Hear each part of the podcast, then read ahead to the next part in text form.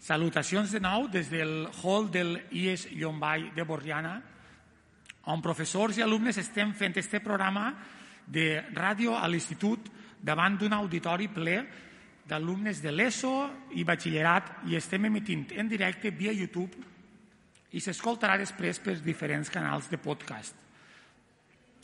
Eh, L'emissió corre a càrrec, que s'ha encarregat el, el company eh, Wail, que és un gran youtuber, el podeu trobar a YouTube com a Wail IT, és alumne meu, està així segut darrere del seu superordinador i és l'encarregat de tota l'emissió.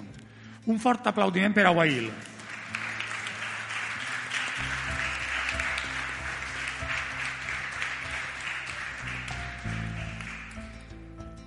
El fet d'haver compartit l'organització de l'esdeveniment amb Wail i veure com un alumne meu domina el tema tecnològic i de xarxes molt més que jo mateix, que sóc el seu professor, m'ha fet arribar a una reflexió que és esta.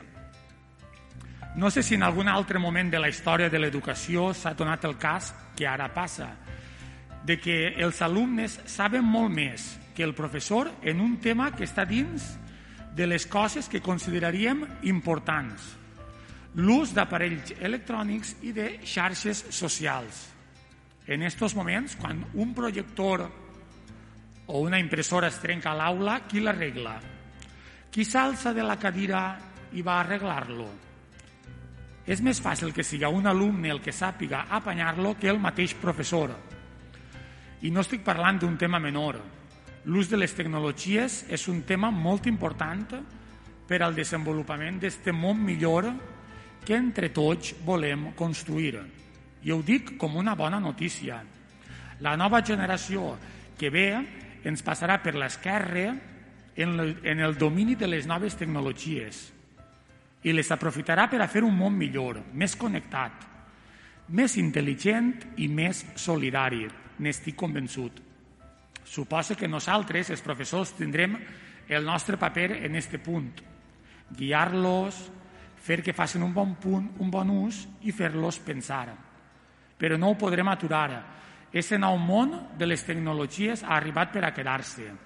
I tot això ha vengut al cas després de veure com Wail es desenvolupa en aquest món de youtubers, instagrams, tiktoks, iPhones, PCs i que m'ha sorprès molt positivament. Eh, però continuem.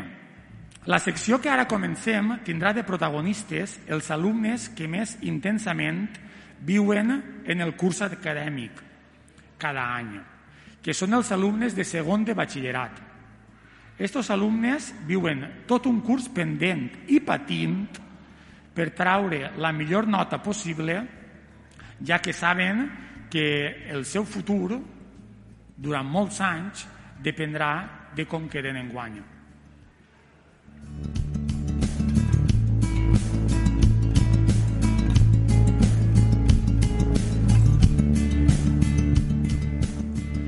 Per a conèixer un poc millor com estan vivint-ho, com estan bueno, disfrutant-ho o patint-ho, ells mos ho diran, tenim a Helena Ferrer Montfort, que és una alumna de primer de batxillerat, que està a la meva esquerra, que no calla que baix l'àuia, i que farà la presentació dels companys que, dels alumnes que han vingut així a, a, a, de segon de batxiller que han vingut amb nosaltres a, a compartir aquesta secció. Helena, aquí, aquí ens has portat? Bueno, molt bon dia a tots i a totes i els nostres convidats seran Andrea Solà Peiró, de segon de batxillerat, Iker Molina Garí, que ve de la universitat, Andrés Cercel, de segon de batxiller, i Bruno Ferrer, de la universitat també. Eh, bon dia a tots, com estem? Esteu passant-ho bé? Eh, recordeu d'obrir el micro quan es fiqueu a parlar. Eh, com porteu el nou curs, Andrea? Se, no, se nota que és un curs difícil i que n'hi ha una pressió afegida, a part de per el virus i aquesta pandèmia, perquè tenim més temps de lo normal per a preparar selectivitat i tot això. Aleshores, sempre costa un poc, però amb esforç i dedicació se podrà aconseguir. Com has quedat en aquesta primera avaluació? Eh?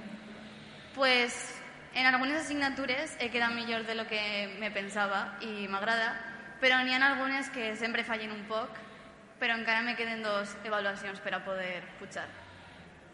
Andreas, què tal? Penses que vas aprovar la selectivitat i, i tot anirà bé?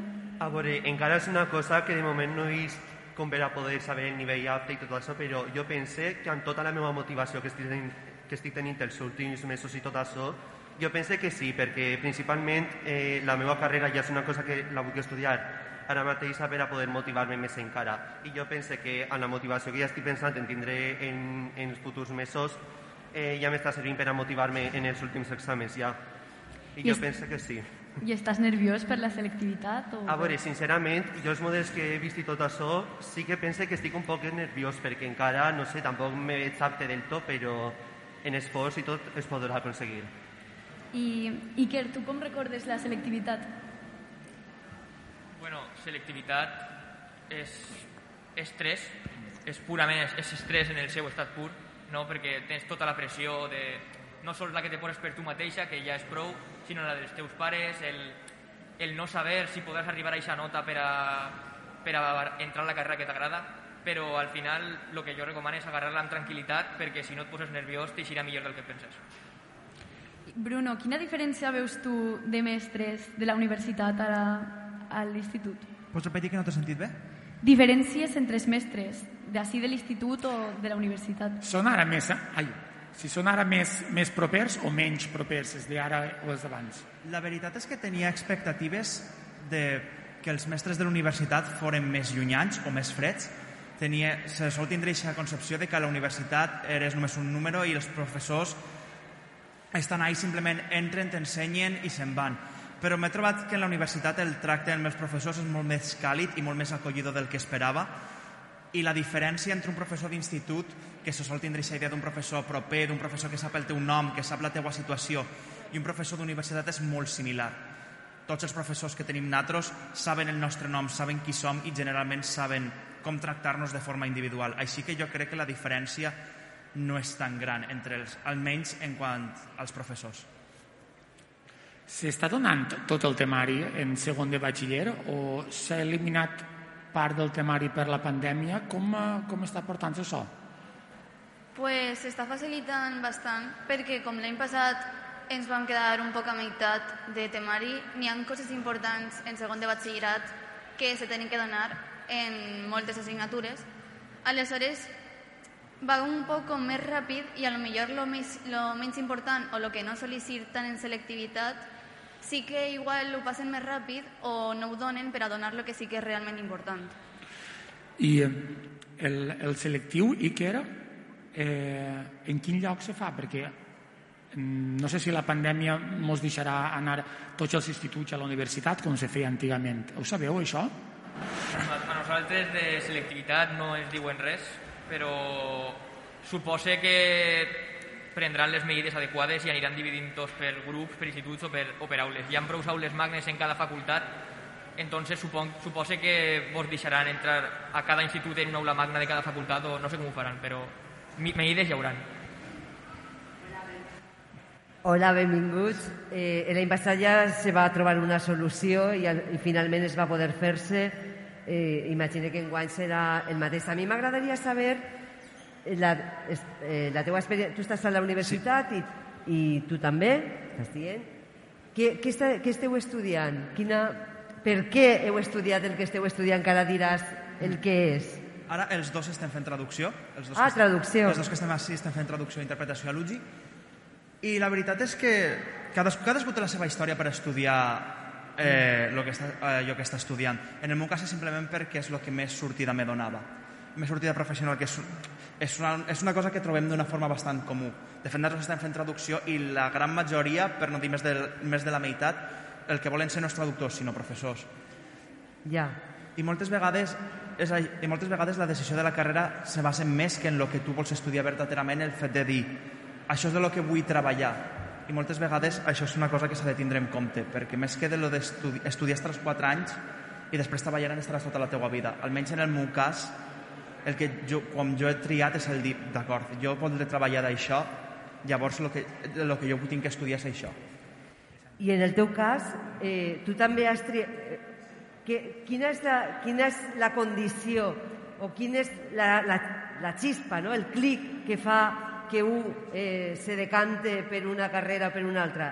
Les sortides que té o és una cosa més sentimental? Per exemple, jo, des de que era així, que quasi no sabia, bueno, segur, no sabia el que volia dir, jo sempre dic que volia ser periodista i al final ho he aconseguit. El meu somni era ser periodista. Els joves d'avui en dia, com vosaltres, per què, per què trieu el que trieu a l'hora d'estudiar? Bé, jo concretament vaig triar traducció perquè jo no tenia clar que volia ser traductor, però jo sempre he tingut clar que a mi soc una persona que m'agrada molt viatjar. I, òbviament, per a viatjar el que et fan falta és fonamental tindre idiomes. Entonces, traducció era la carrera que més eixida me podria donar perquè, òbviament, pots especialitzar-te en qualsevol idioma del món. Entonces, això va ser el que me va fer decantar-me a mi per la meva carrera en concret. Què aconsellaríeu als joves que ara estan en segon de batxillerat? Què, què, tria, què, què és més important, la raó o el cor a l'hora d'elegir de, una carrera? Què vos sembla a vosaltres, independentment del que heu, del que heu fet vosaltres? Què, què us sembla més important? perquè equivocar-se, bueno, per això estem en la vida, no? per equivocar-nos i aprendre, però no sé, eh, és més important fer el que a un de veritat li agrada o fer el que un eh, pensa que tindrà més eixida? Què, què aconselleu als joves? Als joves, als vostres companys? Lo principal que a mi m'agradaria dir és que en el moment en el que acabes la carrera no és el moment en el que acabes d'estudiar. No hi ha una edat límit per a posar-te a estudiar pots tindre 50 anys i començar una carrera universitària. Tenim companys a classe que, que tenim una companya que, que té, té més de 50, té tota la, té la seva vida formada ja. Així que moltes pot ser, sí que en un principi el més recomanable és dir, d'acord, vaig a fer una cosa de la que jo puga treballar i poder fer un treball del que jo vaig a disfrutar. Un treball en el que no tinc que estar marcat.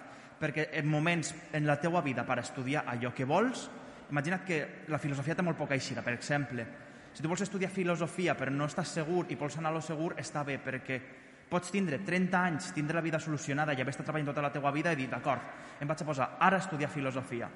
Així que de cara d'ara de sortir de segon de batxillerat, la meva recomanació personal seria primer assegurar-te un futur perquè estudiar pots estudiar en 30, en 40, en 50 o en 60 no hi ha una edat límit. Et felicite per aquesta reflexió que me pareix molt, molt encertada, molt, molt encertada. No està molt no és, apuntada. No, no és mai, no hi ha una data límit per a estudiar, tens tota la raó. I cal llaurar-se el, el futur. Igual quan tens 18 anys ja, està, ja, ja se preocupa un de que, de que té que vol independitzar-se i no, bé, es diu filosofia, jo no vull dir ninguna... Però estudiar algo que la eixida laboral és més xunga te té que agradar molt. Vull dir, aquesta dicotomia sempre, sempre, sempre, sempre està. Els, els que esteu així de batxiller, Andrea i, i Andrés, què voleu estudiar? Jo en, principi, jo en principi tinc, eh, tinc pensat estudiar publicitat i relacions públiques, ja que és una carrera que eh, s'habilita més a les meves habilitats i al que vull ser jo professionalment en un futur, o en el que tinc pensat. I quina, quina era la nota de tall de l'any anterior? Eh, la nota de tall interior va incrementar un poquet perquè amb el tema del coronavirus i la pandèmia va incrementar eh, a un 10 i l'any passat va ser un 9. Però sí que és cert que en, aquest, en aquesta carrera eh, a l'última persona que s'ha admès sempre ha tingut una nota baixa de la nota de tall. Sí. I, uh, I tu, Andrea? Jo, principalment, des de fa dos o tres anys, vull estudiar Medicina per a poder especialitzar-me en psiquiatria Te l'estira llarga, eh? Sí, molt llarga. Sí, estirà la canya molt lluny. I aquest any la nota de tall està en 12,8 i en la pandèmia ha baixat un poc. Abans estava en 13, 13 i mig i espero que ara que ha pogut baixar i tinc més facilitats per la pandèmia puc aconseguir entrar. Mm, això de més facilitats eh, enganya perquè eh, o sigui, la nota de tall al final com l'oferta i la demanda mm. saps? vull dir, si puja per a tots la nota també pujarà la, la, la nota de tall vull dir, és, eh, pareix que te dona més alegria al principi però si l'objectiu és això eh, eh, eh, home, no vull dir que te pots endur un disgust, evidentment, però vull dir que, que puja per a tots i després pujarà la nota de tall i després es quedarà eh, que és el que és. Eh, Lídia té un xoc que té preparat per a nosaltres i eh, escolteu el xoc que té preparat Lídia. Eh, abans ja, ja, ja vam parlar de certs, eh, certes coses sentimentals no? que tenim els majors que estem així en esta, en esta taula, però eh, el que volia preguntar-vos és si vosaltres coneixeu algunes coses que per a nosaltres, algunes dates que per a nosaltres són importants o que han marcat la nostra vida, com per exemple el 23F. Algú de vosaltres ha, sentit parlar del 23F? Sap el que és? Ho pots explicar? És, a veure, el xoc es tracta de... Lídia i jo volem saber si som molt majors o molt jovens. Aleshores, coses que quan nosaltres, nosaltres fèiem el batxillerat o el, el, el selectiu eren coses que passaven dia a dia i que tot, tot el món ho coneixia, a veure si ha, ha passat molt de temps o no. I és com vosaltres sou la prova del, del cotó d'això. La primera és això, el 23F. Qui ho coneix? 23F, ara me pilles una miquenya a, a la patacoixes. Sé que és una data important, sé que és un atemptat, però ara mateix no sabria reconèixer, ara mateix no sabria dir-te exactament quin és. No, no, no volem posar-vos eh, No, no, en, no és un examen. en un problema. No és un Simplement, examen. simplement és, això és un, un estudi de camp, no? Volem Exacte, saber un estudi que, si, si, particip, si coneixeu o no, el que, perquè probablement vosaltres començareu a dir noms o dates i nosaltres no sabríem de què, de què esteu Per tant, parlant. el 23F, ningú d'ací sap el que és? Me pareix que va ser un, un col d'estat, però Ah. tampoc vull...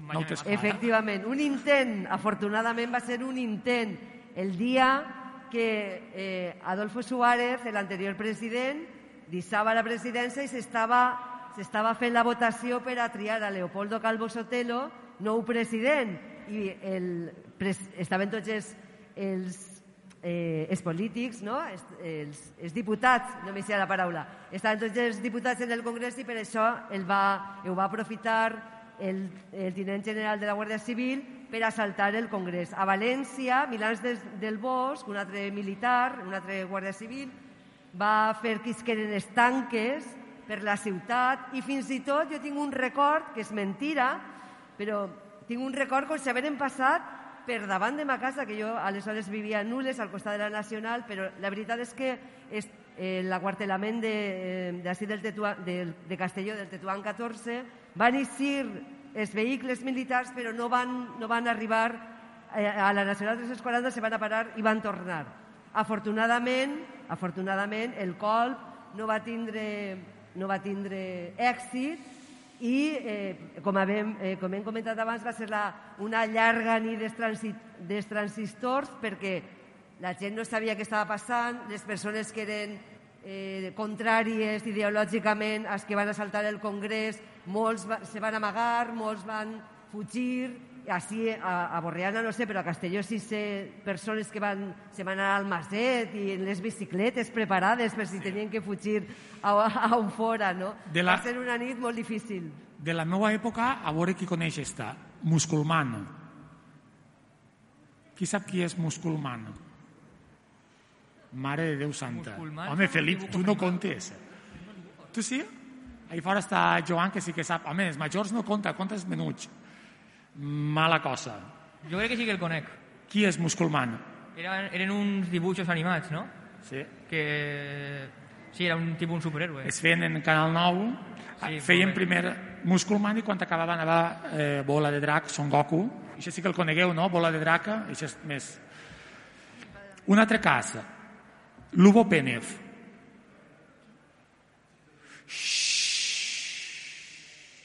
Una bola de palla. Ja que Llavors, tenia la- una certa edat per saber qui era. Jope, tant, a veure, el Penev era... Ahí sí, fora sí que n'hi ha, Luboslav Penev, allà, Israel, però sí en la taula ningú.